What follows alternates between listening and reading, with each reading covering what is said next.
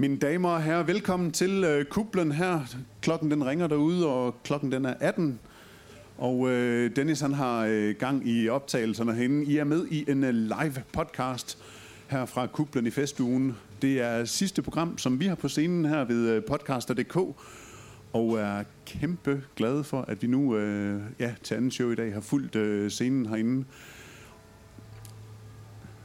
Jeg øh, kommer til at tage lidt billeder undervejs. Bare øh, sæt jer tilbage og nyd det, og så lad mig arbejde sådan rundt om jer. Primært imod øh, Sati og Sofie heroppe øh, fra podcasten. Men ellers, øh, så vil jeg sgu egentlig gerne øh, byde dem øh, rigtig, rigtig meget øh, velkommen. Og øh, jeg har lovet, at det skulle jeg gøre på en ganske bestemt måde. Men jeg vil gerne høre, om I er derude, så vi ikke giver dem en kæmpe, kæmpe, kæmpe, kæmpe stor hånd.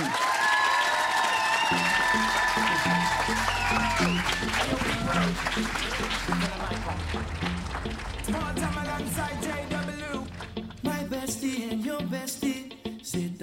the fire. Your bestie says she want parties, so can we make these flames go higher? Talking about hey now, hey now, hey now, hey now. I go, I go, ane. Chucking morphina, ah, ah, anane. Chucking morphina, ane. Start my truck, let's all jump in. Here we go together. High school breeze and big palm trees. I tell you, life don't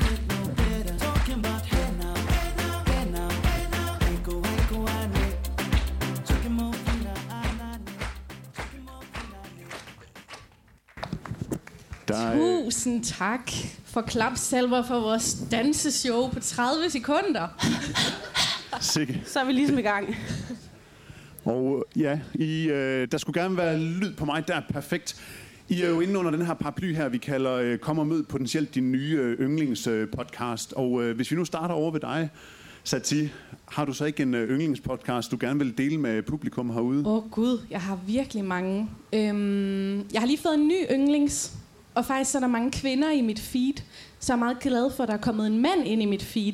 Jeg kan rigtig godt lide en podcast, der hedder Bulletproof Radio, og det er sådan en rigtig Silicon Valley øh, tech hacker-type, som nu er blevet biohacker, og det betyder, at han har som mål, at han skal blive 200 år gammel. Så den synes jeg er rigtig sjov at lytte med på, fordi man sådan bare kan tælle ned. Nu fylder han snart 50, så kan man jo se, om, øh, om han opnår det der, hvilket jeg ikke tror, han gør.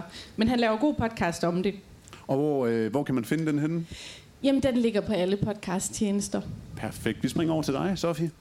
Ja, men jeg har en, der hedder Jeg plejede at tro på for evigt, som er sådan en lidt en, en dyb, lidt trist podcast, som faktisk handler om at miste. Jeg har mistet mange mennesker i mit liv, og når jeg ikke render rundt og danser TikTok-dansk, så øhm, kan jeg godt lide at sidde hjemme og være lidt bange og lidt ked af det, så den lytter jeg til. Tusind tak. En øh, kæmpe hånd til jer endnu en gang, så øh, velkommen til scenen med jeres. Tusind tak, og tusind tak for invitationen. Det er jo mega stort for os, fordi vi kommer jo hjem til Aarhus, og derfor vil vi gerne sige... Velkommen til Siden Sidst, som Hej. vi altid gør. Sati. Hej. Hej publikum, hej venner, hej familie, hej nogen vi ikke kender. Yay. Øhm, ja, til jer, der ikke lige kender podcasten, så vil vi jo godt lige præsentere os selv. Altså, podcasten har været i gang i to og et halvt år, så det er sådan en stor baby nu, og den har over 45.000 downloads. Og så handler den jo egentlig om, hvad der er sket i vores liv siden sidst. Og vi har mødt hinanden i Aalborg, men vi er oprindeligt fra Aarhus. Og det er også derfor, det er så fuldstændig legendarisk at komme til Aarhus Festuge, som vi selv har været til hele vores liv. Jeg har primært været her for at få en kreb, men også lidt for programmet. Jeg har primært været her for, altså til festuge for at, hvis I er faste lytter af podcasten, så ved jeg, jeg kan godt lide at gå i byen og drikke øller. Så det har jeg gjort rigtig meget. Men jeg er også lidt ældre end dig, så jeg har jo haft rigtig mange festuger, hvor jeg har kunne lave ting og sager. Dans på biler, efter tequila brænder der, hvad ved jeg. Jeg glæder mig så meget til i, i nat, fordi altså, hele Danmark er åbnet nu. Jeg tænker, alle bare skal i byen, og jeg har ikke været i byen i Aarhus i seks år. Så hvis man vil med i byen efter podcastoptagelsen, så holder man sig bare til os.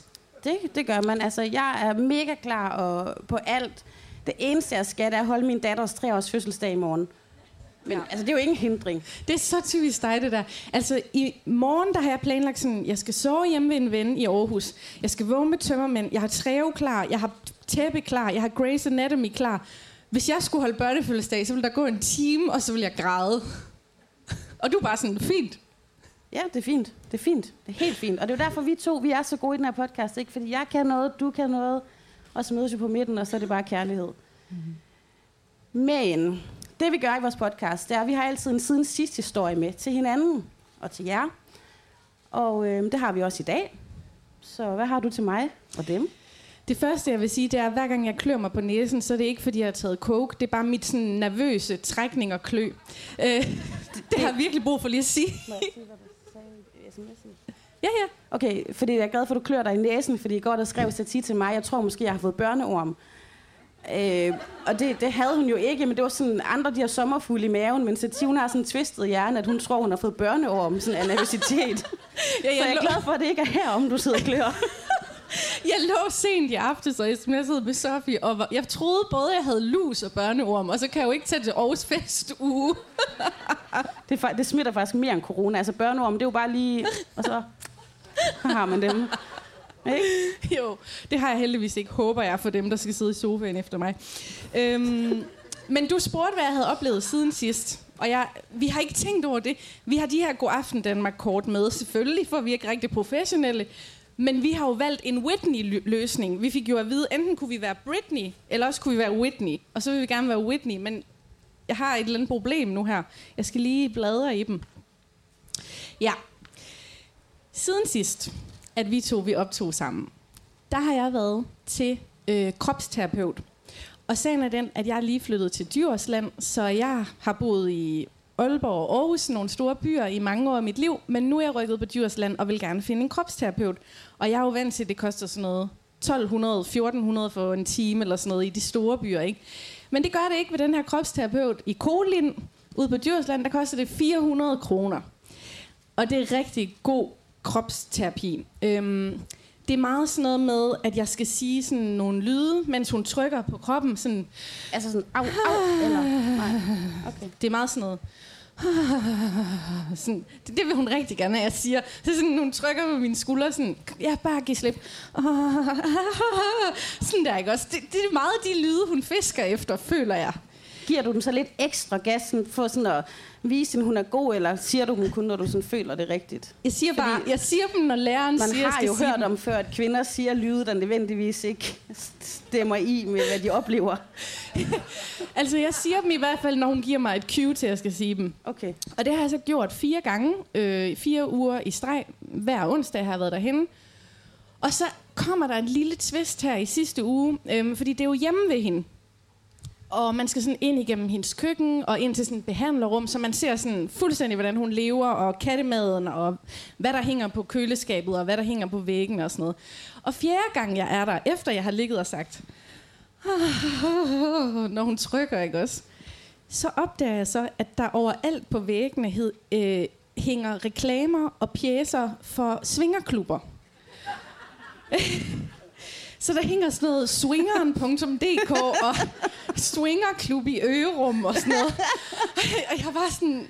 Altså, jeg har ikke opdaget det før der, vel, men jeg er ikke helt sikker på, at jeg har lyst til at komme tilbage og sige... det er sådan lidt et twist, synes jeg. At hun sådan... Ja, er marketingansvarlig for en swingerklub eller sådan noget. Jeg ved ikke, hvad det er med dig, og øh, Sativa er flere gange, som hun siger, været til terapeut, og sidste gang fandt du ud af, at, at din terapeut nærmest var nazist, ikke? Hvor, finder du dem? Men så var der også hende der astrologen, der stemte på Donald Trump. Helt, øh, altså det er derfor, jeg ikke går til sådan noget der. Jeg klarer det selv, eller får Lars til at elske lidt, eller noget. Jeg, jeg gider ikke det der. Jeg magter ikke at komme hjem til nogen. Jeg har en gang været blevet inviteret med i en swingerklub. Har du? Ja, det var hjemme med min ven Thomas Bavnsgaard, hvor naboen kom, og så var han sådan, vi er ikke med i en swingerklub? Og jeg sådan, jo, øh, vi er jo fulde, det er, er der alkohol? Det vil jeg da gerne. og så øhm, var der en, der sagde sådan, okay, der er børn herinde, men så sagde han, hvordan fungerer det i en swingerklub? Er det rart? Og så sagde den ene skolelæreren, der også kom i swingerklubben, det var en skolelærer, så sagde han, ja, det er meget fedt. Sidste gang, der så jeg en, øh, en transvestit ligge i en tandlægestol og blive fistfucket.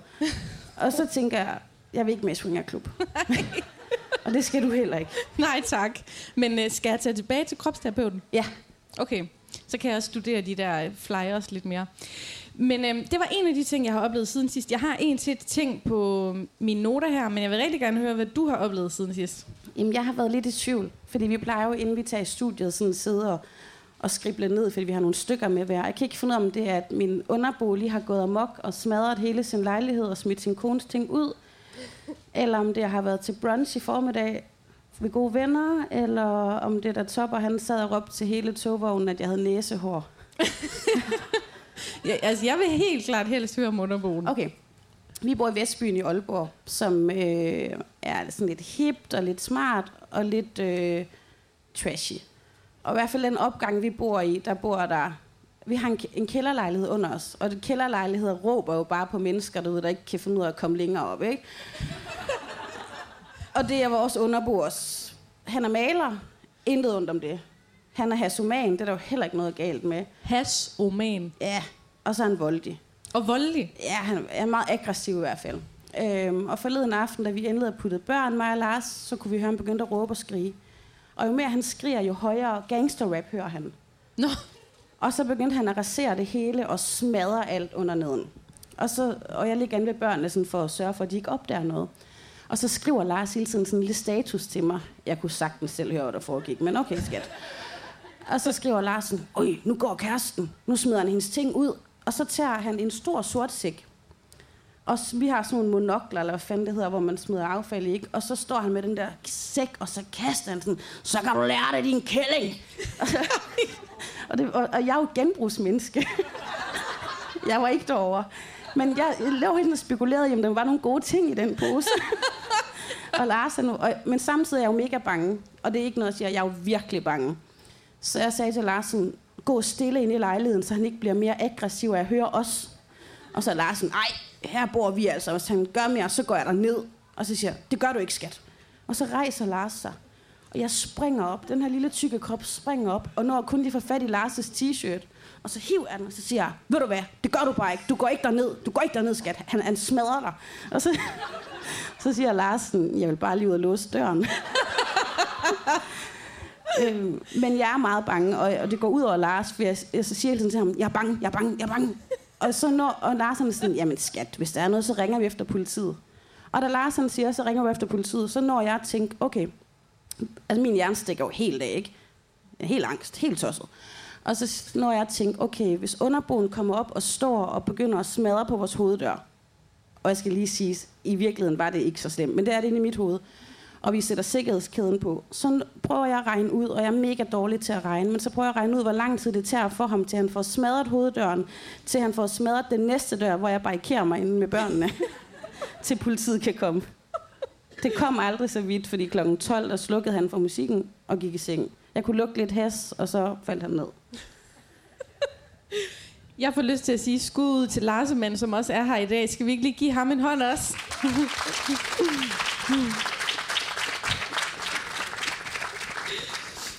Du får lige min sidste siden sidste historie. Meget gerne. Jeg føler mig i øjeblikket rigtig meget som sådan en, øhm, en byamatør, der er flyttet på landet. Det vil sige, jeg oplever en masse ting, hvor jeg ligesom har taget min byman, bymentalitet og ligesom bare copy-pastet den over på landlivet. Og det virker nogle gange ikke særlig godt. For eksempel, når jeg sådan tænker, jeg kan da godt cykle 14 km hen til det nærmeste supermarked. Det gjorde jeg da på Vesterbro. Der cy- cyklede jeg da hele tiden 14 km, men så har jeg bare ikke lagt mærke til, at der er mega bakket, og at min cykel har et gear og sådan noget. Ikke? Altså, der- din, din cykel er i virkelig dårlig forfatning. Fuldstændig. Så der er sådan nogle ting, hvor jeg lige er ved at lære at bo på landet. Men jeg kom alligevel lidt på arbejde øhm, forleden i Aishas nye børnehave, hvor at jeg hang lidt ud med Aisha, for hun er ved det her indkøring, så man skal lige gøre hende tryg og sådan noget. Så går hun så hen til en lille lyshåret dreng, øh, der hedder Evald. Og så spørger hun Evald, Evald, hvor var du henne i går? Hvorfor var du ikke i børnehave? Og så siger han, det er fordi jeg er ude og køre sækker. Og så er jeg sådan, ej, så fik heller ikke lige fat i det. Så sådan, hvad? Hvad siger du? Hvorfor var du ikke i børnehave? Men det er da, fordi jeg var ude og køre sækker. Og så er sådan, sækker? jeg, jeg fik fat i de der sækker, og jeg begyndte at tænke sådan, er det en eller anden go-kart, eller sådan en ATV, som mange af dem har, og sådan noget, ikke også? Så siger, hun, så siger jeg, siger, hvad, hvad er det for noget sækker, Evald? Ja, det er da kornsækker. det er da kornsækker. Han er derude og kører kornsækker med far. Det er derfor, han ikke er i børnehave. Selvfølgelig. Så vi lærer hele tiden noget derude på Djursland om, Det- hvorfor man ikke kommer i børnehave. Det er også meget ude på landet. Jeg har jo lige været og besøgt Sati i Gærl i sidste uge. Og det var rigtig spændende, men det er langt væk. Og alt, hvad du sagde, det passede. Hun sagde sådan, da vi gik ind i købmanden, lige om lidt, så, altså nogle gange, så giver de ting gratis væk her. Sådan mig. Uh. Og så når vi lige nøjagtigt kun ned til grøntsagerne, hvor der er noget gammelt fennelke, hvor hun siger sådan, vil I have det her gratis? Ikke? Så du lærer. Jeg lærer rigtig mange ting om at være øh, ja, borger på landet. Men det er sådan set det, jeg kan komme op med, fordi vi har jo lige hængt ud, og det er jo meget sådan i podcasten, at hvis vi har været væk fra hinanden i lang tid, så har vi rigtig meget at fortælle, men hvis vi lige har set hinanden, så har vi måske ikke lige så mange historier. Og så er der også de 10 procent, der aldrig tåler dagens lys, som kun foregår på vores telefoner. Det er faktisk nogle gange så hemmeligt, så vi sådan, jeg har slettet den godt. Altså, vi, vi, vores mænd kigger ikke på vores telefoner, de er ligeglade, men vi, vi har bare sådan en tilfredsstillelse i sådan, Hisham må ikke se det her. Slet. Lars skal aldrig vide det her. Slet. Ja, sådan cirka en gang om ugen, så sletter jeg lige vores sms-korrespondance. Det gør jeg også, men jeg lå faktisk at tænke, det går, at alt det der med børneormene tikket ind. Hvis vi nogensinde sådan skal udgive alle vores sms'er, så er det jo enormt mangelfuldt, vi har slettet alle dem, der er allermest juicy. Ja, det kunne blive til en lokumsbog. Ja. Ja, fuldstændig. Nå. Nå, nu ved I, hvad vores podcast går ud på. Altså temaet i dag, det er meget sådan hjem til Aarhus for os, så det vil sige, at vi har nogle gode Aarhus-historier med til jer. Øhm, og dem gennemgår vi om lidt. Vi har taget nogle spørgsmål med til hinanden, fordi vi har jo ikke været unge på samme tid i Aarhus. Vi har heller ikke nogensinde kendt hinanden i Aarhus, så vi vil godt lidt ind på livet af hinanden i forhold til. Aarhus Da vi startede podcasten, var det faktisk en idé, om vi skulle lære hinanden at kende endnu bedre, og det har vi jo i sandhed. Ja. Så det er lidt temaet for aftenen. Men vi tænkte, det er jo festuge. Øh, der skal være gang i den. Vi skal lige sætte stemningen. Siden sidst, det er meget sådan et sted, hvor der er plads til alle, og der er plads til sådan et lille pusterum, hvor man bare kan have det sjovt. Og derfor så har vi jo en... En lille overraskelse med. Overraskelsen den er, at øhm, øh, siden sidst, jeg, jeg har sådan en person, jeg nogle gange møder, der kan gå flere år imellem. Kender ikke det? Man har sådan nogle personer, man sådan møder her i sit liv, og her, og så her igen. Og der er også sådan en person, vi faktisk har med i dag. Øh, det er en person, som jeg mødte i 8. klasse, hvor at, øh, han var kærester med Mia fra min klasse. Og en af mine allerbedste veninder, Maja og jeg, var taget til festen, og vi har fået to øl hver af hendes mor. Der er måske én øl hver, og det rakte jo bare altså, Hele natten. ingen. Så, og vi havde ikke fået mulighed for at komme på tankstationen. Så det vi gjorde, vi tænkte, vi tager bare til festen, og så nakker vi, hvad der er. øh, og det gjorde jeg også. Men jeg nakkede så en hel masse øl fra Mia, som holdt festen. Dumt. Men, øh, og det var tyske øl, og hun var sådan, det er min onkel, der har købt dem der i Tyskland. Jeg var sådan, øh, nej, så jeg købte dem ude i Holme. Og hun var sådan, det er tyske øl, du står med der. Så vi blev afsløret, og jeg gled med alle de her øl under øh, kjolen, ikke? Og Mia havde sin kæreste med, så jeg skulle ikke lave problemer. Den kæreste møder jeg så igen lidt senere i livet, som Charlie. Charlie har så siden sidst, jeg har mødt ham, sprunget ud i noget nyt, som, øh, som vi gerne vil øh, se og høre og vise jer i dag. Hej, tøser! Lydmand. Hej, søde. Hvad så? Er I klar? Ja, vi så er så klar. Skal Jeg jeg, til, at jeg lige spiller nogle af mine nye numre og sådan lidt fra jer. Jamen, det gør du bare. Det Skal, skal jeg bare trykke... Du trykker bare. Hvad Ej, siger det kan- Er I klar? Er I klar? Fedt, mand! Lidt op for musikken, kan du det?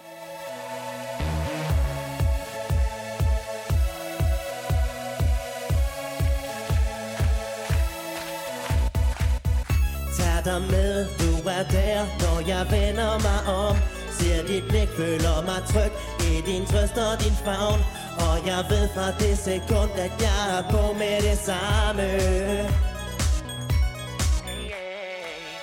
Det er lidt svært, for det lært, jeg må åbne mig op. Lidt for skruet i mit hoved, jeg må ikke give op. For jeg føler, du er der, hvis det hele skulle ramme.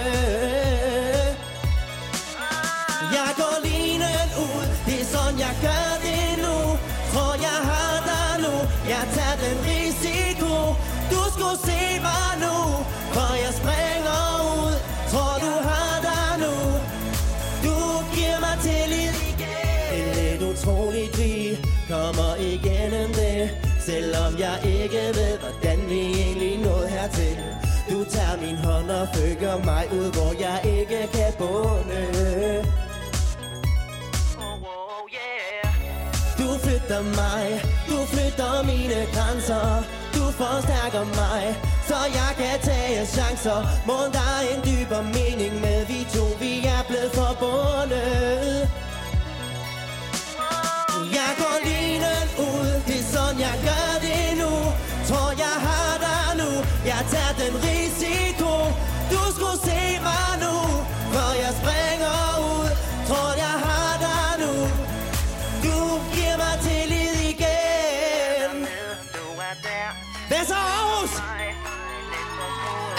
Er friske eller hvad? Jeg hedder Cassandra Starlight. I kan kalde mig Cassie. Hey yeah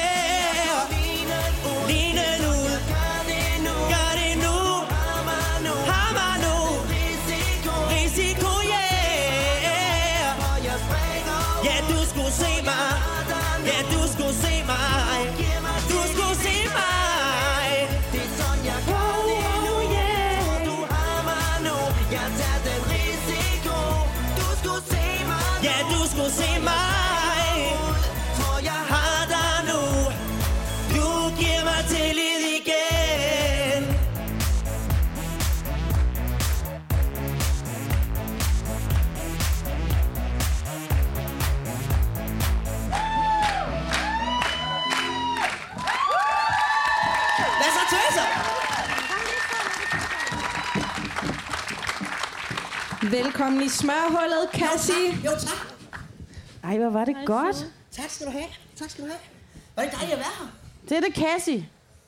Når det ikke er Cassie, så er det Charlie. Så er jeg Charlie, ja. Og han synger også skide godt som mand. Du har, du har faktisk været med i nogle talentshows i fjernsynet. Ja, jeg har, jeg har lavet en del igennem tiden. Lidt X-Factor og lidt Popstars. Og... Hallo, Ja, ja, du er ja, den ja. stjerne her, det er jo ikke os. Jeg fik faktisk ikke helt fat i lige før, hvordan det er, I kender hinanden. Jamen, det startede jo i, i folkeskoletiden op. Øh, en, jeg gik på friskolen med. Jeg har gået på to skoler. Øhm, og øh, på friskolen, der mødte jeg Mia, som du var kærester med. Ja. Og nu sidder du her. Ja. Og du ligner ikke ham, jeg lærte at kende til den fest, hvor jeg nakkede øl. Og der er jeg stadig gemt ind under alt det her. Men, øh, men altså, du har været på lidt af en rejse, ikke? Jo, det har jeg. Fordi som du sagde til mig forleden, ah, jeg var rigtig pigeglad. Og, og det er også sådan, jeg husker dig. Og det var ikke pigeglad, eller du tog pigetøj på. Ej, nej. det kom senere. Og så endte du i det her. ja. Hvordan? Jamen altså, nu, øh, ja, nu mødte jeg min mand her for ja, syv år siden, som står derovre. Sødemand. Øhm, og det var sådan meget impulsivt, og jeg er jo sådan en type, der at når jeg gør noget, så gør jeg det 100%. Øh, så det var bare 1, 2, 3. Min mor fik et brev, og så skrev jeg ellers en status på Facebook. Hej med jer. så, øh, og så, så Altså, det her. det der sker, det er, at øh, Charlie går fra at have været sammen med kvinder, Ja, til at få de der syv år siden, da du mødte ham, der slog benene væk under dig, til at Nemlig. blive til mænd. nemlig. Ja. Og skal lige sige, at jeg er far til tre børn også. Så der har jeg også været i, i de der faste forhold med kvinder og fået børn og sådan noget. Men så sker der jo det, at jeg bliver introduceret for dragverdenen og ser Drag Race, og, og så bliver jeg jo sådan lidt, jamen det er jo sådan en god forlængelse af det, jeg allerede laver, øh, med skuespil og med sang, og på den her måde, der kan jeg komponere det hele, og så er det faktisk lidt en måde at tage magten tilbage på. Fordi jeg behøver ikke gå til nogen optagelsesprøve eller audition eller noget som helst. Jeg har mit helt egen show, som jeg bestemmer over, som jeg styrer, og som jeg et eller andet sted også skal styre med børn på sidelinjen. Det er så fint. Så øh, det er lidt nemmere for mig på den her måde her. Er- Altså, er det, er det rigtigt, at det kun er anden gang i dag, du er ude som Cassie? Det er første gang på en scene. Wow! Det er så flot. Helt ærligt, du er mega sej. Men inden vi sparker dig ned igen, for det er jo ligesom vores show, Det er jo det. så øh, skal vi høre din sidste sang. Skal vi ikke give det? Jo, Ja, hvor fedt. Tusind tak for det, piger. Var det en fornøjelse at snakke med jer? Den sidste sang, jeg skal spille for jer, den passer rigtig godt med, at jeg spiller i min hjemby. Den hedder Hjem igen.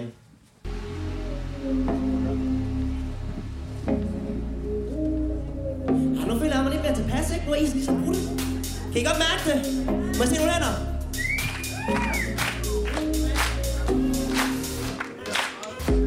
Jeg ved, hvad jeg behøver. Jeg sætter det på spil. Jeg gør, hvad der er nødvendigt slippe væk. Og du kan se det i mine øjne, jeg flygter. Ja, du kan mærke, at du ikke er den, jeg søger. Og du ved det, selvom jeg ikke siger. Ser det ud fra det signal, jeg sender. Jeg tror, du ved, hvad du må gøre. Du må give slip på mig. Jeg tror, jeg ved, hvad jeg skal gøre. Jeg finder hjem igen. Finder ind til mig selv. Jeg finder hjem igen. Ja, jeg finder mig selv. Igen, hjem igen. Ja, jeg finder mig selv. Finder hjem igen. Ja, jeg finder tilbage igen. Jeg finder tilbage. Ah, oh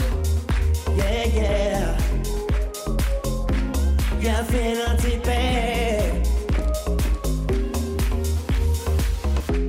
Jeg ved, at det er nødvendigt. Men det er svært at få det sagt.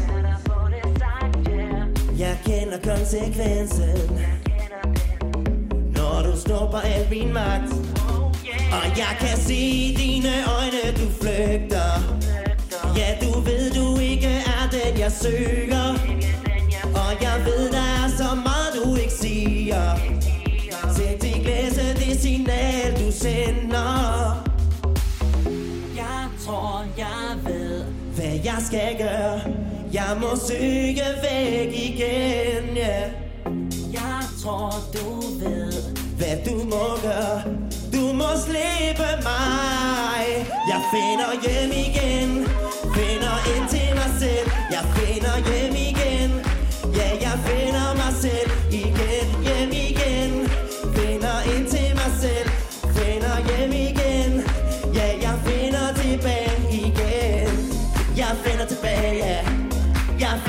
tilbage Jeg finder tilbage Ja, jeg finder tilbage Wow, wow, yeah, yeah Wow, wow, yeah, yeah Wow, wow, wow, yeah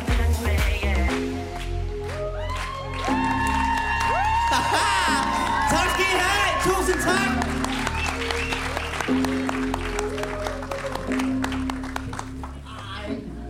Jeg har pakket den mest lyserøde gave, jeg overhovedet kunne komme i tanke om. Fuldstændig. Tusind tak, Gilly Kassi. Det er mig, Ekstra der takker. hånd. Tusind tak skal I have. Du var I fantastiske.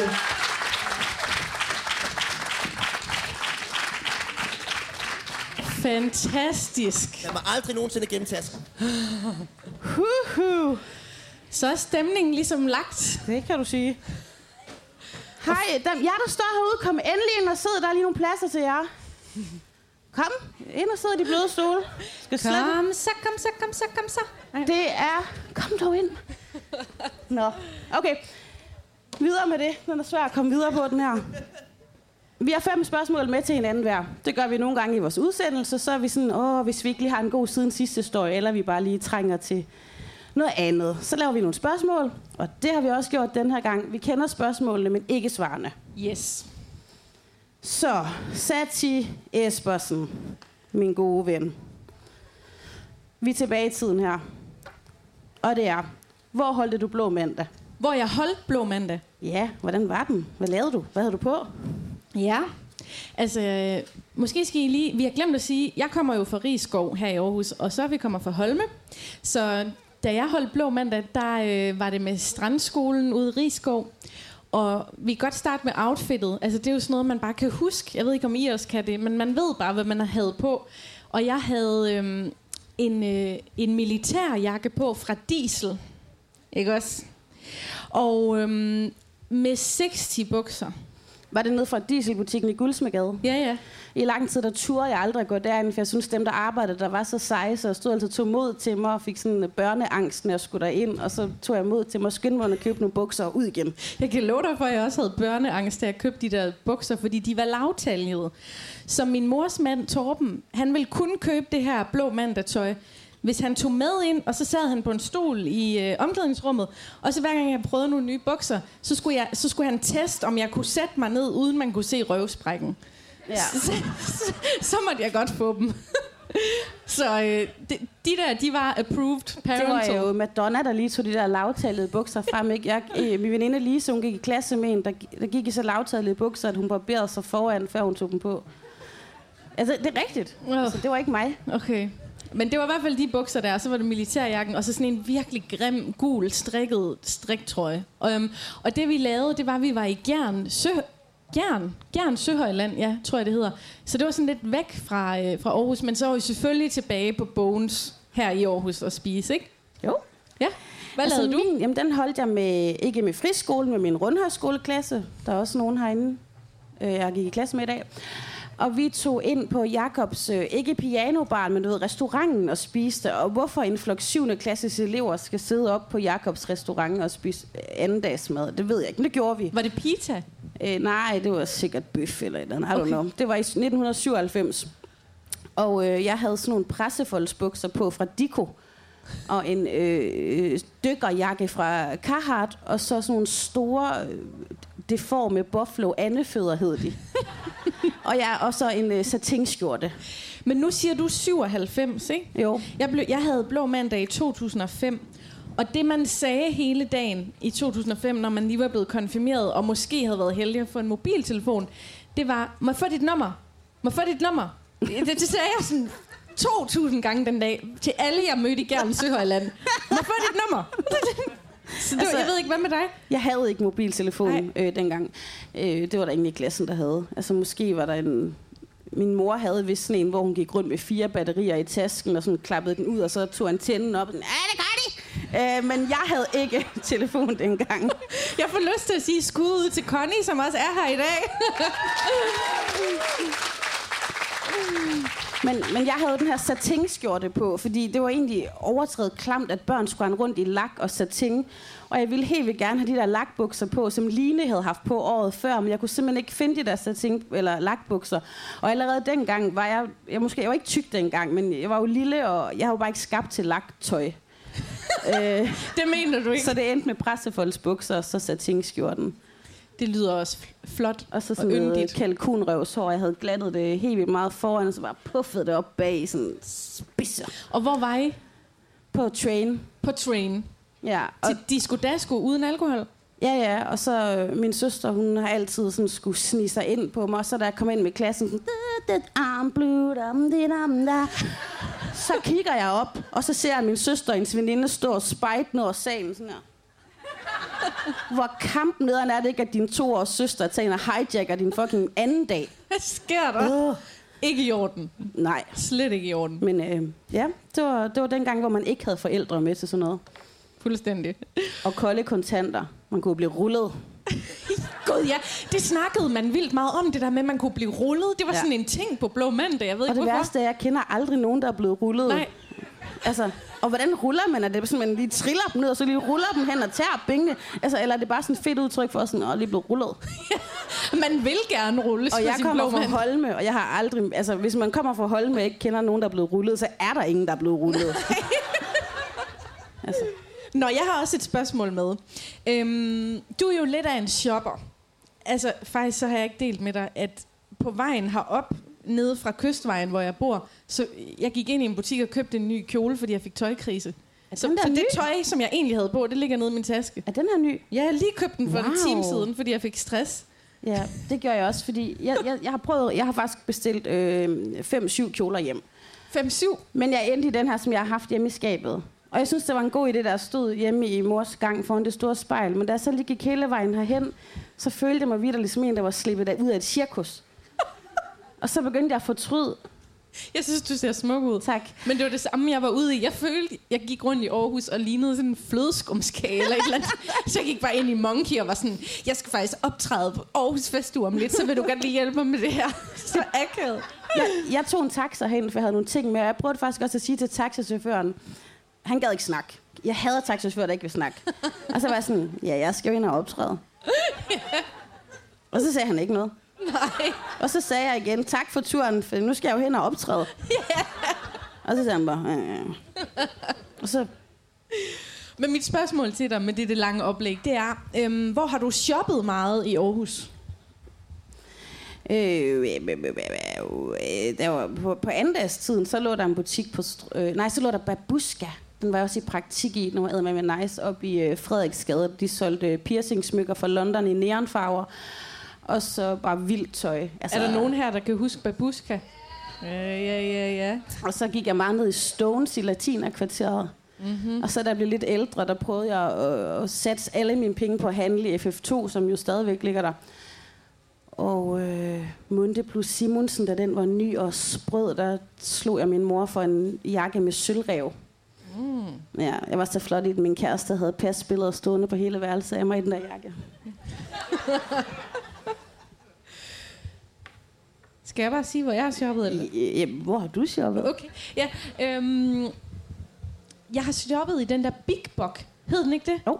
Big Bok. Ja. Og så øhm, Sisters Point. Ja, dem kender jeg godt. Det synes du ikke er så sejt. Jeg havde i hvert fald en, på et tidspunkt en aftale med min veninde Line, hvor vi gik ned og strød og sagde til hinanden, sådan, jeg er bare færdig med at shoppe i H&M.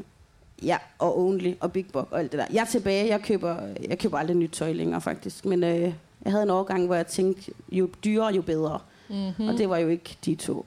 Og hvis jeg endelig gik ind i dem, så klippede jeg mærkerne ud. Okay, du skjulte bare mærkerne. Jeg var alt for meget. Jeg var alt for meget. Men du nævnte FF2, og det var meget... Altså pigerne ude fra Rigskov, hvor jeg gik øh, i folkeskole, det var meget sådan Dolce Gabbana trøje, sådan med sådan noget zebra-print, og så sådan noget leopard-print. Jeg kan se, der bliver nikket dernede. Og de skulle tit have to trøjer oven på hinanden. Og så var der mig. Jeg, vi var tre, der ikke gik til håndbold i min klasse, og gik i Dolce Gabbana trøjer. Og så gik jeg ind til Babuska, tror jeg faktisk det var. Og så ledte jeg bare efter partisaner tørklæde. Jeg skulle Ja, bare have partisaner tørklæde. Der er jo også den der hemmelighed, der er sluppet ud, at jeg har været meget Kelly Family-fan. Så jeg havde jo også en tidspunkt, hvor jeg faktisk ikke kunne prøve at, at få Burberry og Dolce Gabbana. Der ville jeg gerne have min mors aflagte, eller noget, der så så Kelly Family ud. Så lå der sådan en kæmpe genbrugsbutik øh, nede i øh, Clemensstræde. En araber eller et eller andet havde den nede i kælderen. Fatme. Fatme. Ja, ja, ja. Kæmpe genbrug. Jeg tror, Maja købte sit konfirmationstøj, eller så var det Camilla. Batikfarver og partisaner tørklæder. Så, så du har også haft sådan en periode. Jeg har haft alle perioder. Det er dig til at spørge. Jamen, det er det der. Hvor har du spist efter en bytur? Øhm, på den shawarma-bar, der ligger nede ved magasin. Den har jeg lige hørt om i dag. For tidligere i dag, da jeg var til brunch ved ham, der sidder lige der.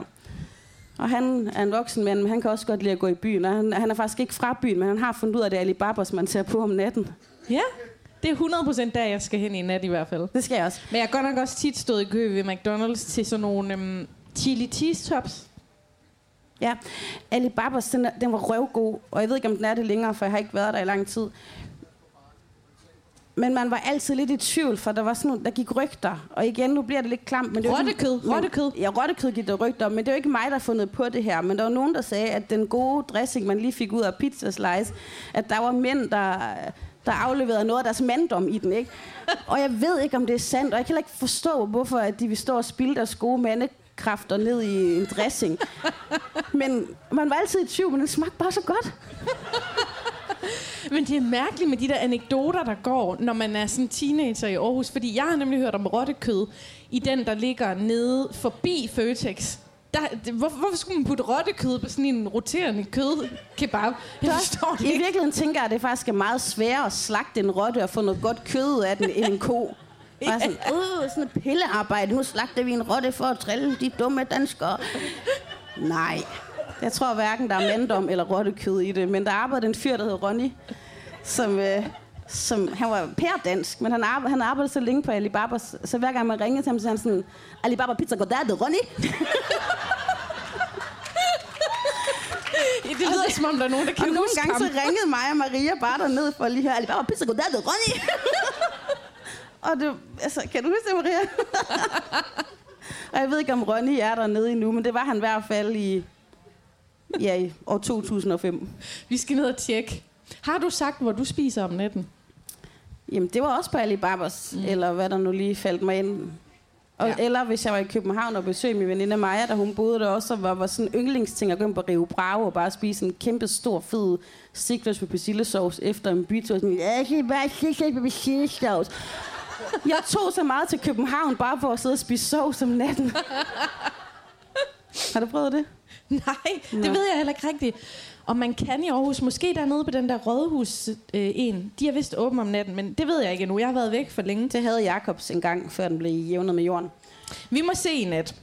Øhm, hvad er dit yndlingssted i Aarhus? Det er uden tvivl Moskov. Det er, altså, det er bare helt særligt for mig og min familie at gå ud til stranden og sidde og tænke. Ikke? Det tror jeg, det er for mange. Men i min familie, der bruger vi helt vildt meget, øh, hvis vi er sure, hvis vi er glade, hvis vi er et eller andet, hvis en hest, der er lige er død, hvis man har fået børneorm eller et eller andet, hvor man lige skal tænke lidt over det. Så kører vi lige ud til stranden, og så sidder vi, øh, hvis det er meget koldt, så sidder vi også bare i bilen og kigger ud over vandet, ellers så går vi en tur. Øhm, og da jeg boede i Aarhus, der gik jeg meget hernede ved øhm, Tangkrogen. Og det var, jeg, jeg havde mange kærestekvaler. Altså hele, indtil jeg mødte min elskede ægte mand, jeg har nu, der var hele mit liv en lang kærestesov. Og så sad jeg altid nede og kiggede ud over vandet, og måske lidt håb om, at øh, ham, der havde forladt en, sådan, fandt en siddende over en sten. Sådan her.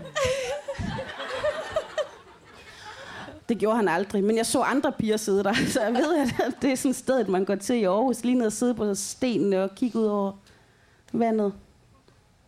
Så det er vandet, og jeg savner det. Jeg kan mega godt lide at komme i Øst for Paradis. Jeg tror faktisk, Øst for Paradis det er mit yndlingssted i Aarhus, altså biografen. Men så også rigtig meget at gå i byen på toppen, Ja. på den sidste. Det har jeg også gjort. Min svor har jo haft øh, den her natklub, der hedder Colors, op på toppen i mange år. Og jeg har også gået i Øst for Paradis, men den er sådan strøget af listen, for det var også et øh, date-favoritsted. Det er faktisk et spørgsmål, jeg kommer til senere. Men det var sådan, hvis man gerne ville vise, man var sådan lidt kulturel og kendte de små perler, som sådan, jamen, vi kan da gå i Øst for Paradis og se en fransk film. Fuldstændig Så det har jeg rigtigt. gjort lidt for mange gange. Og hvis man kender mig, så ved man jo, at jeg giver en fuck for franske film. Men hold kæft, hvor har jeg set mange franske og spanske og finske film på dates i Øst for Paradis. Fuldstændig rigtigt. Jeg var engang fanget til den der Adels liv. Kan I huske den? Som er sådan, der er rigtig mange sexscener mellem to kvinder. Og det tror jeg ikke, vi vidste inden daten. Så på den ene side, der sad min, min sømands date. Og på den anden side, der sad der øh, pan- hele pensionistklubben. Meget tæt på, og så bare full on sexscener i lang tid. Var, du, var det ambivalent? Det var rigtig ubehageligt. kender ikke, altså jeg er blevet 37, og jeg kan stadigvæk ikke overskue øh, at sidde og se noget, hvor nogen er intime, hvis min mor er ved siden af. Så begynder jeg altid at klø Ja. lidt og sådan, og jeg trænger hundene til at komme ud, fordi, ja, altså, fordi nogle gange, og jeg kan ikke finde ud af, det er ikke fordi, jeg sidder og bliver liderlig af det. Det, det gør jeg ikke. Nej, nej, men, men alligevel så er det vel lavet for, at det skal pige et eller andet ved mennesker. Og jeg vil ikke sidde og være piret ved siden af min mor. Nej. Det, det gider jeg bare ikke. Nej. Apropos mor, så har jeg jo formået at ryste min egen mor af mig. Men så er min gudmor kommet i stedet for, at du en detektiv. Ja, du er så. Min mor og hendes mand, de står nede i diskoteltet, fordi jeg simpelthen ikke kunne overskue, at de skulle sidde og kigge på mig under det her show. Og så kommer søde gudmor i stedet for, men det er også helt okay bag det. Du skal bare ikke sige det, jeg siger om lidt. Når jeg siger kode 3, det skal ikke videre til middag, Torben. Det er godt. Inden vi går videre med det, så tænker jeg faktisk, at vi trænger til vores snack.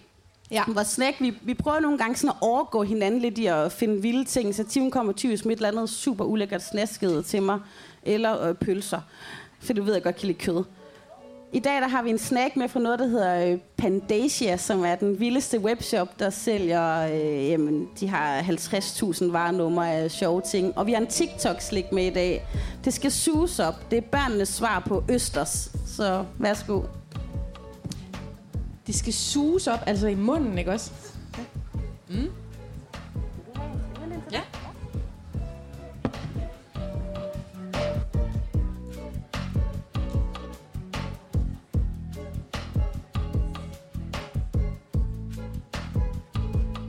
Alle jer, der står ude foran teltet, I må meget gerne komme ind og få en snack. Det smager rigtig, rigtig godt. Mm.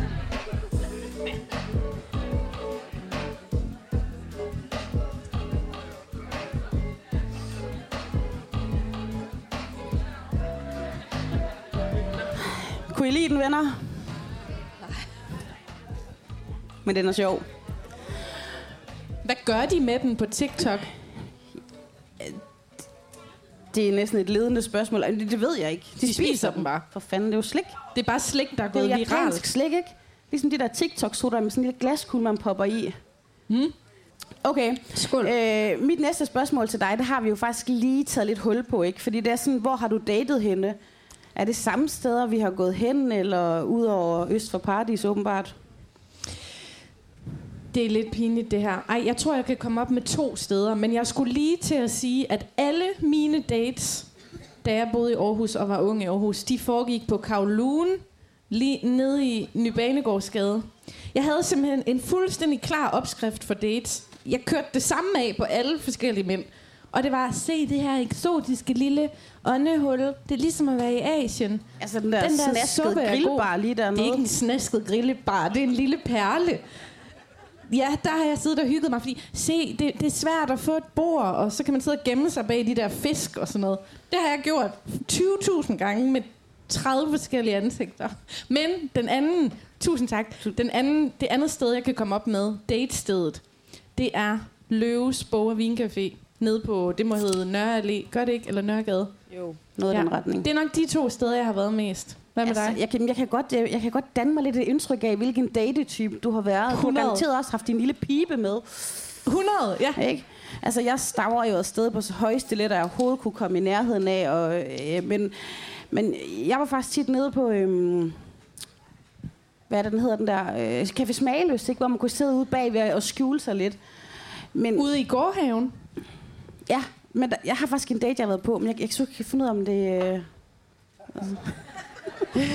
Du kigger på Lars. Jeg er jo mega godt gift. Er det okay? Okay. Jeg var på en date øh, med en fyr. Han var rødhåret. Jeg elsker rødhårede mennesker. Var det Per? Hvem Per? Nå, Nå, det ikke ham der? Hvem Per? Jeg kender bare en rødhåret, der hedder Per her i Aarhus. Nej. Okay. Og jeg er heller ikke interesseret i at kende Per, for nu har jeg jo fundet manden i mit liv. Men jeg synes, rødhårede mennesker, mænd, kvinder, børn, whatever, dyr, er meget, meget smukke. Og der var en rødhåret, der inviterede mig ud, og jeg var sådan, okay, maybe it should be a first. Fordi jeg har faktisk aldrig sammen en rødhåret der. Og, og jeg elsker fisk. Og han inviterede mig ned på klassisk fisk. Og, uh. og det er jo klassisk 65, der er også lavet en fiskerestaurant. Og det var ret pricey. Og jeg havde ikke så mange penge lige der. Og jeg tænkte Hvor sådan, gammel var du? Det, det kan vi ikke nej, tale om. Nå, okay. Men, øh, men det er nok, fordi jeg brugte pengene på noget andet. Øh, jeg købte en Burberry-jakke. Men jeg skulle ned på fiskerestauranten med ham her rødhåret date, og jeg havde sagt ja til det hele, og kunne allerede godt mærke, at det var for meget. Fordi han var sådan en type, der sådan, tjener. Fordi han havde sparet sammen til den her middag, fandt jeg så ud af bagefter. Øh, og så det var lige da e-cigaretter var ved at blive store, og han sådan var meget sådan, man må ryge e-cigaretter alle steder, hvor man ikke må ryge almindelig. Så han sad bare pulset løs, og jeg pulsede også med på den, for jeg kunne ikke lide at sige nej, så vi sad bare i sådan en røgsky inde på den, og vi havde sådan en stor fisketårn foran os, og vi, gud, det var lækkert. Og han var bare øh, dagens mand i skysår, så sådan, ja, tjener, hvor de her krabber fanget henne? Og sådan, han var alt for meget, altså det var helt skørt, ikke? Så jeg drak mig bare fuldere og fuldere og fuldere på hans regning, fordi et eller andet, jeg vil også, altså, vi skal godt få noget ud af aftenen, ikke? Og jeg vil egentlig gerne bare sparke ham hjem bagefter. Men manden har kraftet med brugt alle sine penge på fiskerestauranten. Så han var sådan, må jeg overnatte ved dig, indtil jeg kan komme med et tog i morgen? Sagde han det til dig? Ja. Og jeg var sådan, ja, det kan du godt, men så vil du så godt give mig hele pakken, altså, fordi nu, nu vil jeg så godt slutte det af på en ordentlig måde, ikke? Du har givet mig lidt, og jeg giver dig lidt. Og det gjorde jeg så. Og så smed jeg ham ud næste morgen, og så ignorerede jeg ellers alle opkald fra den her person. Du ghostede ham. Jeg ghostede ham, og det var før jeg vidste, øh, hvad det betød at ghoste nogen. Ja, det, det, er jo, det, er jo, det har jeg lært af dig, efter du lavede en udsendelse om det på TV2, ikke? Men jeg vidste ikke, hvad det var. Jeg, jeg, jeg kunne simpelthen bare ikke overskue mig. Jeg var også flov. Jeg var flov. Jeg skulle aldrig tage imod den middag. øhm, så, så jeg ignorerede ham. Og så sker der det en eller anden morgen, jeg er på vej på arbejde, har travlt, så ser jeg en eller anden lille klynkende idiot. Nej, nej, nej, nej, det er for meget. Nej. Jeg ser en fyr siddende i Godmorgen Danmark og tale om, at han skal sådan noget god nytår, øh, starte dit nye liv. Fordi han simpelthen har så mange historier bag sig. Han bliver droppet af mennesker, og hans kærlighedsliv er forfærdelig. Og han fortæller om, at øh, han har mødt en, som bare, du ved, har droppet ham for hårdt. I godmorgen, I Danmark. fucking godmorgen Danmark. Så sidder det lille rødhåret bag derinde og taler om mig. Altså, og det var, ikke, det var ikke kun kærlighed, det var alt, der skulle laves om i hans liv. Han boede hjemme ved sin forældre. Altså, hele hans liv var bare gået... Var han slet ikke så rig, som han sagde på Og restauranten? hvis så havde han skulle da taget en taxa, så skulle han ikke bo hjemme ved mig, indtil han kunne komme i næste tog. Nej, så, det, det, det, så jeg var nede på fisket. Det, var- det var min date. Okay, men er det, er det sådan, øh, var det en klassisk date for dig i Aarhus? Altså, fordi nej, jeg har... nej, okay. nej. Hvad skulle dig? Nå, men det er fordi, jeg har aldrig nogensinde været på en date på en fin restaurant i Nå, Aarhus. okay, men det har jeg mange gange. Okay, men hva, altså hvor I ikke har kysset inden og sådan noget, så mødes I, og så sidder I med de der bestik og spiser over for hinanden. Der er alkohol til sådan en middag. Nå. Alkoholen er jo det, der leder op til, at man kysser. Nå, okay, okay, Og så okay. taler vi ikke mere om det. det var, Okay. Ja. Helt i orden. Nå, skål. Skål. Jamen, det var så fiskedaten. så øh, du har et spørgsmål til mig. Ja. Eller dig. Jo, jeg har et spørgsmål her til dig. Øhm, hvis der er kommet nye til, så kan vi jo sige, at det her det er siden sidst podcast. Og vi er to eksil som er kommet hjem til Aarhus lige nu.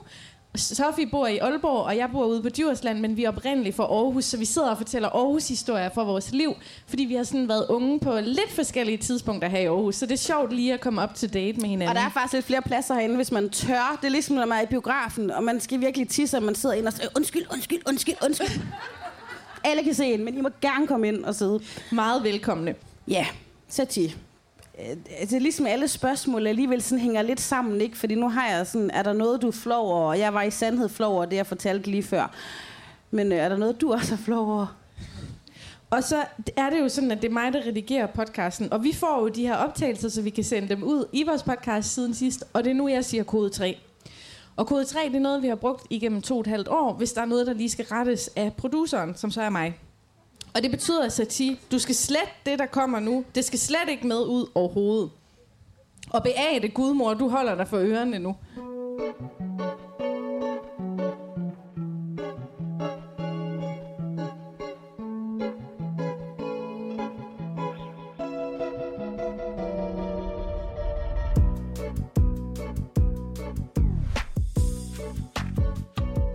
Men altså, det er jo godt nok at vide til en anden gang, at du har det der, sådan du kan spille spillet, ikke? Hvis vi nogensinde får brug for, for at være lidt mere snedig i den her podcast, så er det helt klart dig, der skal lægge planen. Ja.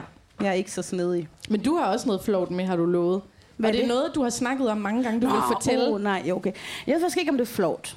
Eller, eller, jo, det er sgu lidt flot, ikke? Kan jeg tage op og lukke ørerne? Jeg øh, var i byen for en gang skyld øh, med veninde Maja her, og vi øh, trængte bare til en mega bytur. Så vi startede nede på Fætter Eskil. Og det, det er en helt mærkelig aften. Kender man kan bare mærke øh, sol og måne og stjerne står bare og giver helt vilde energier. Og, og allerede der møder vi sådan en freak, der sidder ved vores spor. Skal jeg, altså, skal jeg sige det hele? For det er klamt noget af det. Det er Altså, klamt. jeg har sagt kode 3, så jeg tror ikke, det kommer ud i podcast. Okay, for det, det, det, det, det er faktisk lidt ulækkert. Men der er sådan en mand, der sidder og kigger på unge, Maja og jeg. Hvor gammel har vi været, Maja? Regn ud, du blev gravid lige efter. 28. 8? Nej, så nej. Var vi 28? Nå, hold da kæft. Nå, jeg troede, vi var 19 eller sådan noget. Nå, okay. Så, så- var det jo klart, ham der manden kom og tænkte, han godt kunne dele det med os. Men han kommer og siger sådan, hvad så, piger? Hvad så? Ved I godt, hvad en klovnemund er? Klovnemund. Ja, det ved vi da udmærket godt til sådan noget. Rød læbestift, så siger han, nej. Det er, når en mand han er sammen med en kvinde oralt, når hun har menstruation. Ej, Var sådan, ej. ej, det er for meget. Ikke gå fra vores spor. Det vil vi simpelthen ikke høre på. Det var ulækkert, og alligevel også sådan lidt sjovt, for man kunne også lige se det for sig. Okay, øh, men ham smed vi væk. Det var simpelthen for klamt. Det startede med ham, og han hed Richard. Han hed Richard, ham der. Og jeg vil ikke sige hans efternavn, for mange i Aarhus kender ham. Men, øh, men efter det, så kommer der fandme en ny freak til bordet. Og det, den her gang er det en afrikaner. Og jeg er jo også sådan lidt afrikaner. Og så, så mødes vi sådan... Øh, det, er altså, mørke mennesker hilser på mørke mennesker. Sådan er det bare. Og så han skulle selvfølgelig hen til mit bord. Øhm, men det viste sig også, at han var pisseirriterende. Vi kunne slet ikke slippe for ham. Og så øh, prøver vi at stikke af for ham, og vi siger sådan, det er rigtig hyggeligt, Iki, men vi er nødt til at... Nu har du sagt hans navn. Nej, for den anden hed Christian. Og jeg siger, det, det er super hyggeligt det her, Iki, men øh, vi skal gå, fordi Christian kommer snart. Nej, den anden hedder Richard. Øh, Christian kommer snart, og så Iki sådan, Christian kommer snart? ja, Christian kommer snart, og nu smutter vi. Og det passer ikke. Vi, vi løg bare. Der var ingen Christian. Og så vi går så videre op i byen. Og så møder vi kraftet med Iki igen. Og han er irriterende. Og han er anmæsende, og han vil drikke vores øl, og han ødelægger hele vores sjove aften, og måske også mine chancer for at møde en anden mand, og han var bare for meget og så går vi videre. Han, han var meget irriterende, ikke? Er det ikke rigtigt? Jo. Og så siger Iki, gå så med det, så bliver jeg bare snart rigtig gal. Ja, yeah, Christian kommer snart, kritik kommer snart, kritik kommer snart. Og så begynder han at lave, og det må jeg jo godt sige det her, fordi jeg selv er mørk, ikke? Og, og han, var, han, han var meget let på tog, meget let. Altså, jeg er jo ikke så let på tog, men han stod sådan der, kritik kommer snart, kritik kommer snart. Og han dansede rundt om os med sådan en lille afrikadans, og sagde sådan, kritik kommer snart, kritik kommer snart. Og det gjorde han ikke, så sagde jeg, Iki, nu stopper du. og så tager vi vores ting, og så går vi. Og så følger Iki efter os. Uh, vi er inde på Sherlock Holmes pop her, lige over. Og vi går hen ad gaden her, for jeg bor på Frederiksallé. Og Ike følger efter os. Og bror, jeg var aldrig rigtig bange. Men jeg bliver sådan, Ike, jeg bliver faktisk meget utryg. Vil du følge efter os nu, Ike? Nu skal du stoppe, Ike. Han bliver ved. Og vi er sådan, Ike, nu er det altså for meget, Ike. Nu ringer jeg snart efter politiet, Ike. og så... Og han det er en gemme snak, det er en gemme snak. Han bliver ved. Det er sådan en lille, det er trukket op. Du kan ikke stoppe ham igen, vel? og så står vi lige herude ved de her elmetræer, eller hvad der er herude. Så siger I kan jo stykke stopper nu, så smadrer jeg altså dit hoved ind i et træ. det er den gemme snak, det er den gemme snak. Og jeg har lige fået en helt ny Mulberry-taske der. Betalt 10.000 kroner for skidtet. Øh, så den var solid. Og så siger Iki, Iki, nu er det fandme nemme nok. Hvis der er mere med dig nu, Ikke, så tæsker jeg dig. øh, det var bare sjovt. Det er så forkert at grine. Ja, det er helt forkert at grine. Og han bliver ved. Han, altså, det kan med snart, ligesom han er gået i stykker. Han kan ikke stoppe. Så tager jeg min Mulberry-taske. Og så smækker jeg den ind i hovedet på Iki. Og så... Så kraftede mig, man ikke siger, det kommer snart. Så tager jeg min lille brune hånd på Igis lille brune hoved. Og så knaller det lige i træet. Og ved siden af, der står Maja. Og vi er ikke bange. Men hun griner og er ved at pisse i bukserne. Altså, Ligesom nu. og, og, og selv da jeg lige havde fyret Ikes, øh, jeg tror det er elmetræ eller et eller andet, selv da jeg lige lavede noget på ham, og lige, og, og, og, Maja, og jo mere Maja griner, jo mere tæsk er på Ikke. Altså, det, prøv at, det, det, er ikke noget med blod og sådan noget, det, det, det, det er sådan en sjov, det er sådan en sjov tæskning, ikke? Og, mere, mere, og, og jeg, jeg er sådan en type, når man, når man griner af noget, jeg laver, så kan jeg slet ikke stoppe. Jeg, jeg bliver fuldstændig damp, ikke? Så bliver du til Iki. Jeg tæsker ikke. Og så, så for at lige lave kronen på værket, så siger jeg til Maja, skal jeg ikke lige ringe efter politiet? og så ringer jeg til politiet. Sådan, det er bare fordi, vi står to piger heroppe på øhm, Frederiksen, eller hvad det hedder lige her, og der er bare en fyr, der følger efter os, han vil ikke lade os være. Okay, hvor står I henne? Så kommer politiet. Hvad så? Hvad så, piger? Hvad så, piger? Det er bare ham der, han, han, øh, han har fulgt efter os hele aftenen, sådan noget. Og de snakker med ham og sådan og skælder ham ud, og så siger de, hop ind i bilen, piger. Og så hopper Maja og Maja ind i bilen, og så udspørger de mig ind i bilen. Hed han Innocent? Så siger jeg sådan, nej, men jeg ved godt, hvem Innocent er, men det er ikke ham. og så siger de sådan, Nå, kan du give en nærmere beskrivelse? Ja, man havde sådan små dreadlocks og sådan noget. Og de sådan, okay, vi finder ham. Se. Eller, du ved, de, de, Nå, nej, han var nået, ikke var nået til politiet kom, ikke? Det var sådan, ikke var stukket af, det er derfor, de ville have et signalement af ham. Og de spurgte om samtlige afrikanere, og jeg kender jo rigtig mange af dem, men altså, det, det var ikke ham.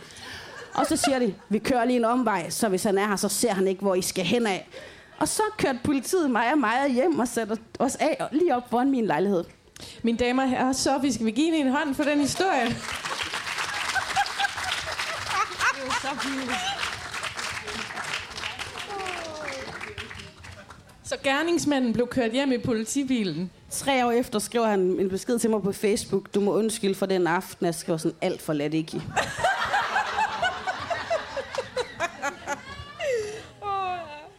Men ja, det er jeg faktisk ret flov over. Øhm, ja, okay, det er mit sidste spørgsmål nu, ikke? Jo. Mit spørgsmål nummer 5. Øhm, hvordan har du det, når du kommer hjem til Aarhus? Jamen, der har jeg det ligesom vi talte om før. Jeg kan lige trække vejret lidt dybere. Altså, når jeg ser det der grønne, dejlige rådhustårn, så er jeg bare... Åh, oh, jeg elsker Aarhus. Jeg skal i magasin, jeg skal hjem til Holme, jeg skal i Bixen. Altså, hvis Holme Grill stadig var åbnet, så var mit liv fucking fuldendt, når jeg kommer hjem. Men det er det ikke. Den er lukket. Hvordan har du det? Jeg synes, det er sådan en glad by. Jeg føler, der er sådan virkelig god energi i Aarhus. Det løfter sig lige, når man kører ind i Aarhus. Ja, Så jeg men bliver bare jeg bliver glad, og så synes jeg, at folk er mega flotte her også. Det kan jeg også godt mærke. Hvis jeg du går ned i øh, Mejlgade, det er ligesom ja. at gå rundt i kostymebladet. Folk er meget mere tjekket, og det var faktisk også derfor, jeg begyndte at fortryde lidt det her øh, spata- med kjole, ikke? Fordi da jeg gik derhen i dag, tænkte jeg sådan, wow, hvor er de pæne. Jeg har lige brug for din krop lige nu. Nej. øhm, bare lige, hvis du kan sætte dig her. Så Jeg skal vi ikke sige sådan noget. Uh. Kan... Nej, nej, jeg, kan, jeg skal bare lige gemme mig bagved dig. Hvorfor? Nå, okay. Kører vi. Yes. Øhm, jeg har et sidste spørgsmål til dig, Sati. Og det er... jeg driller. Den tager vi ikke med. Øh, hvad, er din, hvad er din favorit Aarhus-musiker? Min favorit Aarhus-musiker. Ja, eller er der noget, som du bare forbinder med Aarhus, når du er herhjemme musikagtigt? Det ville være en klassiker at sige Thomas Helmi, men det er ikke min favorit Aarhus-musiker. Det er nok... Er der, altså, er, der, er der, der noget galt i at have ham? Som, Nej, overhovedet ikke. Overhovedet ikke. Jeg, jeg er mere til Medina. Jeg tror, når jeg hører Medina, så er det bare Aarhus for mig. Nå, det blev lige lidt distraheret. Ja. Øh, men mit, det er, det, det er Thomas Helmi, ikke? Altså, jeg har alle mulige sange, jeg sådan kan høre og tænke, der var jeg det og det tidspunkt. Og, men jeg hører Thomas Helmi, jeg siger det bare, den der Malaga, den skal spilles til min begravelse. Skal den det? Ja, Den er også smuk. ja. Og lidt trist, ikke? Ja. Ja. Vi skal satse på at finde et floor i nat med Medina og Thomas Helmi. Et floor. Ja, Det er så lige der, de der otte år, de vi skiller skal os ud lidt på ad. floor. Hvad siger du? Dansegulvet? Ja, jeg skal ud på det dansegulv. Jeg rocker det dansegulv. Jeg skal jeg skal, på skal ikke ud. Det gør unch, unch, når jeg går på floor. Jeg skal Øh, så meget på floor. floor. Nu skal jeg lige se her. Vi, vi har spurgt hinanden om fem ting om Aarhus. Jamen, det er lige før, vi skal til at se, om der er nogen andre, der vil spørge os om noget. Ja, øh, hvordan er det nu, Dennis? Har vi en mikrofon mere, der kan gå ned? To? Yes, der er styr på det her. Hvad er det, praktikanten hedder? Hvad for noget? Jonas. Jonas, du vil gerne sende mikrofonen rundt, hvis der nu var nogen, der havde et spørgsmål. Det kunne jo godt være, at der var et lytterspørgsmål. Det må også gerne være til gamle siden sidste historier. Vi har jo nogle legendariske, nogen vi er stolte af, øh, som vi gerne fortæller igen, eller fortæller flere detaljer om. Jeg kan se, der er et spørgsmål.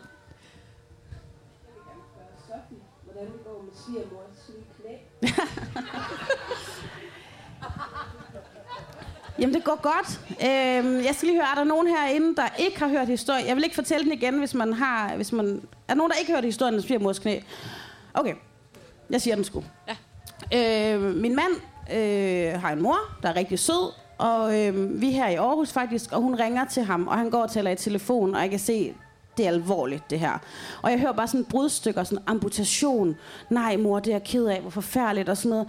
Og, jeg, og, og vi har rigtig travlt. Vi skal til, til to af vores andre venner, som de var lige før. De sidder der. Øhm, og, jeg, og jeg sådan, hvad foregår der? Og så kigger Lars bare på mig, og så siger han, han tager lige røret ud sådan her. Hvad? Ja. Og så når han bare lige ved sådan, amputation. Og så er sådan, nej, nej, nej, det er skrækkeligt. Altså, det er jo forfærdeligt at miste øh, et lem, eller hvad fanden siger man ikke? Et, lem, ja. øh, ikke det lem, men det, altså, at miste sit ben, det er jo skrækkeligt. Kvinden er 63 år, hun skal, jeg ved, nu skal hun til at leve resten af sit liv med, med bare sådan en lille kødstump heroppe, ikke? Det er forfærdeligt. Og jeg når at skrive til Sara, sådan, vi kommer lidt senere, vi skal nok komme, men der er lige opstået noget rigtig tragisk. Og jeg når at sige til min mor, mor, øh, børnene ved det ikke endnu, men det er fordi Susanne skal amputeret sit ben. Men, men du skal ikke lige sige noget til de andre, fordi det, det er helt galt. Og, og det hele kører videre. Lang historie kort er, at Lars kommer ud, og det ender med, at han siger sådan, det er satans, hun skal have et nyt knæ. Hvad? Du har lige lavet savtakkelyden øh, langt over knæet. Og så siger jeg sådan, Jamen, Lars, for fanden jo, et nyt knæ, det kender vi sgu da mange, der har der. Tina op for Aalborg, der også fået, hun cykler jo rask væk rundt. Så siger han, jeg har aldrig hørt om nogen, der har fået et nyt knæ. det var så dramatisk. Så det er forhistorien til, hvorfor der bliver spurgt om øh, svigermors knæ. Og det går godt. Hun er i genoptræning. Øhm, ja, det går godt. Som det nu gør, når man får et nyt knæ. Er hun kommet tilbage i bussen? Nej, min svigermor er buschauffør. Altså, der, der, der er jo noget genoptræning og lidt tid, inden hun kører. Men nu er der jo faktisk mulighed for, at hun kommer tilbage øh, i bussen. Det var der jo ikke, hvis hun skulle sidde med sådan en lille kødstump heroppe. Præcis. Så. Tak for det ganske udmærkede øh, opfølgningsspørgsmål på en siden sidste historie. Hvis nogen har nogle flere spørgsmål, det kan jeg enten være til historie, eller noget, I bare gerne vil høre, vi taler om, eller til, hvordan det er at producere vores podcast, og vi gør, hvad vi laver. Et eller andet, så øh, please, for det, ellers så bliver det sådan lidt, lidt småpinligt for os. Det er lidt ligesom, når man sidder til de der foreninger, og man skal vælge formand, og der er stille så lang tid, indtil der er en pligtopfyldende, der er bare sådan, okay, så gør jeg det. Hvad vil du gerne spørge om, Jonas? Nå, du lige sukke i munden, så spørger du. Ja, det er helt fint. Ja. Hvad, det har jeg slet ikke fortalt. Hvordan mødte I hinanden? Tror jeg, I ikke sagde. Ja, Men det gjorde vi på et bibliotek. Det er faktisk en legendarisk Aarhus-historie. Det var jo på et bibliotek i Aalborg. Men- Ja, det var faktisk efter en demonstration. Det er rigtigt. Vi havde været til demonstration i byrådssalen. Hvor er der en forældre? Kan I huske det? De gule t-shirts med det der forældrebevægelse til flere nummering, øh, flere hænder og... Men jeg var taget i byrådssalen med topper. Jeg havde prøvet at klæde mig sådan lidt slyngemor ud, så jeg passede ind i resten af flokken. Det var 100% min dresscode også. Det var slyngemor. Men jeg husker da nemlig som være mening, at jeg tjekkede den dag. Du havde sådan en lille skinjakke på og sådan noget. Nå, det var dengang, jeg kunne passe min skinjakke fra London. flot. Vi øh, er på byrådssalen, og så går vi bagefter op på biblioteket og leger, og jeg sådan leger rundt med topper derovre. Og så kommer Satie, er du fra Aarhus? Og så sådan, Det er det første, jeg siger til, til Sofie. Det er, er du fra Aarhus? Jeg ja, kunne, det er jeg. Jeg kunne bare høre det. Jeg kunne høre det på den måde, hun talte til sit barn på. Ja, og jeg Den synes, måde, du var på. Og du var mega tjek, og du var mega sød, men altså, din datter er jo lidt yngre end mit barn, men jeg kunne se, at dit barn var mere fremmelig end mig, så jeg altså, havde alle parader op, fordi det er det, man konkurrerer på, når man har baby. Og sådan, hvor hurtigt gik din? Uh, min var 9 måneder, og min var 15 måneder. Ja. Øh, så jeg synes, du var rigtig sød og pæn, men også lidt intimiderende. Okay. Det, Ja, ja, sådan det, starter mange af mine venskaber. sådan havde jeg det slet ikke med dig. Jeg synes bare, det var fantastisk at lytte. Det var som balsam for sjælen. Der er en, der taler syngende oceanisk i Aalborg. Ja, så vi mødte hinanden på et bibliotek. Og så havde vi egentlig bare en fælles bekendt, der bragte os sammen igen. Ja. Og Og så hun, blev det- mig med altså- til, hun inviterede mig med til gratis yogatimer i Satis studie. Hvad jeg, og jeg var sådan hele tiden, det vil jeg da gerne. Hvad jeg ikke vidste, er, at hende der, hun har hostlet Sati for hårdt og, og bare aldrig betalt. Så jeg var, jeg var sådan en freeloader, uden jeg vidste. Ja, det er rigtigt. Men vi endte jo så med at, at lidt ryste vores fælles bekendte af os, og så bare selv gå videre med venskabet. Så det er sådan, vi kender hinanden. Vi har kendt hinanden i hvad? Fire år, tror jeg. Ja. Og podcasten har levet i to og et halvt år. Mm. Tak for spørgsmålet, Jonas. Tak fordi du reddede os, Jonas. Tak, Jonas. Hej, Sara. Ja, ja. Øh, hvis det stod til min mand, så tror jeg, vi var øh, flyttet til Aarhus i næste måned. Men der er jo det, at øh, i mellemtiden, der er jeg begyndt at arbejde på en radio og i en øh, landsorganisation for nogle lokale radio- og tv-medier. Og det er jeg meget glad for. Så jeg kommer ikke hjem lige nu. Fordi arbejdet ligger i Aalborg. Det ligger i Aalborg. Mm. Ja. Men vi kan lave noget gruppepres, fordi jeg vil også rigtig gerne have hende herned. Altså, hvis I griner af mig lige så meget, som da I kan stod derude ved træet, så kommer jeg muligvis hjem. Der er mange øh, af de historier, jeg fortæller, de er sådan rimelig... Øh, det er meget med blod og afføring og sådan... Eller sådan, der er mange af de historier, jeg fortæller, de er rimelig personlige. Hvordan er det sådan, så når I går ud i den virkelige verden, er det ikke lidt nøjere, og sådan, føler I ikke, at, altså I ved jo ikke i princippet, hvem der lytter med. Hvordan kommer I lige over det? Altså, Jeg har virkelig også tænkt meget over, hvorfor er det, vi altid skal have kropsvæsker med i vores historier. Ja. Øhm, hvorfor er det egentlig, at vi altid har det? Det er nok der, hvor livet er virkelig akavet. Du sagde til mig, da jeg var nede i, i Gærl og besøgte dig i sidste uge, du altid bliver lidt frækkere, når du er sammen med mig. Ja. Jeg ved ikke, om I har set den der film, der hedder Råzone, men det var sådan en sej ungdomsfilm, da jeg var yngre. Og jeg føler, at jeg bliver sådan lidt råzoneagtig, når jeg er sammen med Sofie. Så det er nok også noget med, at man lige skal imponere hinanden lidt med alle de mærkelige ting, man har oplevet.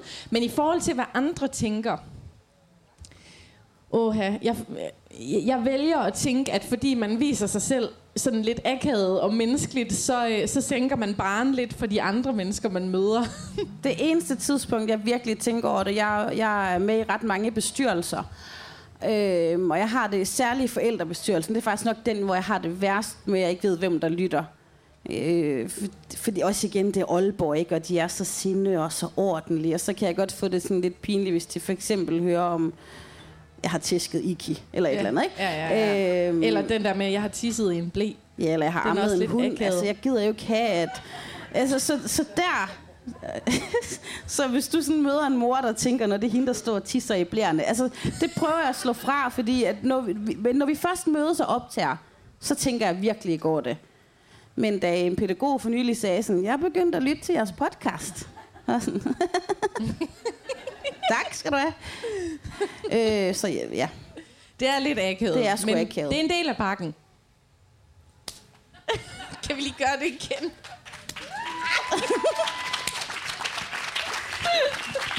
tak for spørgsmålet, Mathias. Yes. Jamen, jeg synes, at vi skal høre en bestemt historie. Jeg sætter pris på den, elsker at genlytte den igen og igen. Og det er selvfølgelig kan, om kanindamen i Aalborg. Og øh, den synes jeg faktisk, vi lige skal høre her i Aarhus også. Gud, kanindamen. Hvor at Aisha jo siger den mest legendariske sætning. Altså, vi har Ja. ikke klip med, vel? Nå, men jeg tænker på, fordi det, som Bea her spørger om, det er jo, hun spørger ind til en historie, jeg har oplevet. Fordi vi går jo meget op i Aalborg-originaler. Dem er der rigtig, rigtig mange af. Sådan lidt skøre, sjove typer på gaden, som vi sådan giver navne, som passer til dem. Og en af dem, det er kanindamen. Jeg har i øvrigt ikke set hende siden lockdown overhovedet, siden corona ankom. Men jeg, jeg sidder og bliver helt febrilsk, om jeg kan huske historien faktisk. Det er lige før Bea skal fortælle den. Ej, det skal du ikke, Bea, men... Jamen, altså, den er jo sjovest, hvis lydklippet er med, ikke? Det, det, det, damen er en original, helt tydelig sådan, øh, hun er nok psykisk syg, eller det er hun, og det er der ikke noget galt med. Men øh, hun har det svært, og hun går rundt med en lille kanin i sådan en transportkasse. Ja, hun, er går altid, hun går altid rundt med en kanin i en kasse. Den er aldrig ude. Den er aldrig ude, den sidder bare derinde, det er så synd. Øh, og så en dag, der våger du at tale til hende. Og der når du så at optage, at hun går fuldstændig banjo. Jamen det er fordi planen er, at jeg vil optage, og så vil jeg sige på optagelsen, jeg vil spørge hende, om hun har lyst til at være med i podcasten, eller om jeg må interviewe hende eller et eller andet, fordi vi taler tit om, om hende, ikke? Men det går fuldstændig bananas, men jeg har glemt, at ikke, hun siger hun ikke til min datter, at hun er en ko. Hvad er det for noget? Er det, er det en ko? Er det en ko, er med? Og så siger din datter sådan, jeg er ikke en ko, jeg er et menneske. Det er rigtigt. Det er fuldstændig rigtigt, ja. Hun, hun, hun angriber Aisha, min lille 3-4-årige datter, fordi det var faktisk fordi, vi ville kigge ind til Ja, kaninen. kigge ind. Ja, det er rigtigt. Vi lister hen til kanindamen, og så vil vi gerne se den der kanin, vi kunne have set på Du afstand. siger sådan, hvad er det, du har der? Må vi sige hej eller et eller ja, andet? må vi eller må se vi din se lille den? kanin? Og så... Kan du så komme med? ja, det er en ko, du har med. Så begynder hun bare at sige, at min datter er en ko. Det var meget, meget specielt. Men Aisha, hun, hun talte godt for sig, kan man sige. Ja. Jeg er ikke en ko. Jeg er et menneske. Men øhm, det ret er lige før, man skulle have været der, eller man skulle have lyttet det. Så man kan jo, den hedder jo nok Kanindamen. Hvis Ja. man går tilbage i vores feed, så kan man helt sikkert høre historien der. Jeg døde i studiet den dag, vi hørte historien. I sagens natur er det jo super sørgeligt, at der går en kvinde rundt, der har det så skidt. Men det er sådan... Det var sjovt. Ikke? Og man kan sige, at jeg fik lidt hævn, fordi jeg jo mødte hende i december, hvor at hun så var gået væk fra kaninen for første gang nogensinde. Så kaninen, den stod helt alene op på Aalborg station. Og så er der ikke nogen kanindame. Og jeg lister bare hen, for jeg skal bare ind og se den jeg kanin. tror faktisk, du tog et billede og sendte til mig. Ja, ja. Og så det sjoveste er, at det kaninen sidder og spiser derinde, det er brunkager. faktisk rigtigt. Ja. Åh, det er helt glemt. Men ja, det kan en dame historien. Men gå ind og lyt den. den. Jeg synes, den er virkelig Den sjov. er rigtig sjov. Faktisk nok det sjoveste, der har været i podcasten, ud af at du tissede i de to blære. Udover der, hvor du ammede en hund. Det var jo ikke sjovt, det var jo red, en redningsaktion. Tusind tak for spørgsmålet, Bea. Jeg kan ikke lade være med at tænke på, om vi faktisk... Jeg tror faktisk, vi skal til at runde af. Hvis man brænder ind med et sidste spørgsmål, så er det nu, venner. Ellers så er det tak for i aften. Min mor har et. Åh oh, nej. Din mor Ja. har et. Jeg er jo Sofies mor, og har lagt øre til mange af de her sjove historier. Men noget af det aller fucking sjoveste, det var da Satie, hun tissede i en blæ. Et, jeg vil gerne vide, hvad mærke det var. Og, og så vil jeg også godt vide, hvordan den der varme følelse, den var. Og, Ja. og sviger det, som man siger. Ja, ej, jeg er glad for, at du spørger ind til følelsen, Connie. Fordi det var en meget speciel følelse. Altså, historien er, at, at på det tidspunkt, var min datter nok to, to år cirka, og der, der gik det stadig rigtig dårligt med, at far skulle putte. Så der var sådan en mærkeligt drama hver aften, når far han skulle putte. Så skulle jeg først forlade lejligheden, fordi han kunne ikke putte, hvis jeg var der. Så skulle jeg forlade lejligheden og enten sidde og scrolle på min mobil, eller gå en tur eller et eller andet. Og så stod døren, hoveddøren altid åben, sådan at den ikke knirkede, når jeg åbnede den, når jeg kom hjem. Og så listede jeg mig ind som en ninja, mens han var inde og putte. Og så havde jeg jo så gemt mig inde på vores soveværelse, og barnet er ved at blive puttet i den anden ende af lejligheden, hvor toilettet også ligger. Og så skal jeg bare mega meget tisse. Og du har altså sådan en museblære, Jeg, har, jeg bliver kaldt hamsterblære i min familie, fordi jeg faktisk, det er en sørgelig historie, men jeg har fået en operation, som gør, at jeg har fået et ar på min blære, så jeg skal altid tisse. Og det skal jeg så også her, efter jeg har barrikaderet mig, og putningen er stadig i gang, så det kan jeg jo på ingen måde spolere vel, med knirke eller åbne døre eller noget. Og jeg er bare desperat, og først kigger jeg efter, om der er en plante. Og det er der ikke. det har du aldrig sagt. Nej, der var ikke nogen plante der, som jeg lige kunne gøde. Og så kan jeg bare se, der ligger to blæer til overs, som jeg har til min toårige, ikke? Og så, så er det bare ned med bukserne, så bare skrev ind over blæen. Og så tis, og, den, og følelsen, den bliver så tung, og du fatter det ikke. Den bliver så tung. Og så var det jo, jeg, jeg skulle swap mellem blæerne. altså, mens strålen den løb. det er så akavet. Og så er det meget sådan varmt, men det var, jeg kunne ikke lukke blæen, så jeg, altså, jeg holdt den jo bare. Jeg holdt den nede under. Så det, er ikke, det sved ikke eller Du noget. skulle have sat den i strømpebukserne. Men der, hvor jeg virkelig er stolt af mig selv, det er jo, at min mand den dag, ikke, den dag i dag ved han det ikke, fordi han hører ikke podcasten, og fordi jeg fik smuglet de der gigantiske blæer til en toårig ud i skraldespanden, uden han så det. Ja. Tusind tak, Connie. Og så tror jeg også, vi skal sige tak.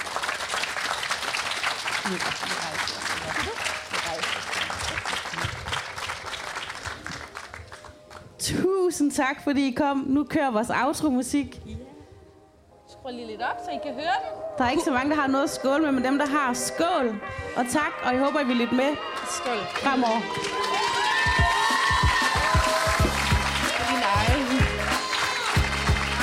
Husk at følge vores podcast. Husk at følge os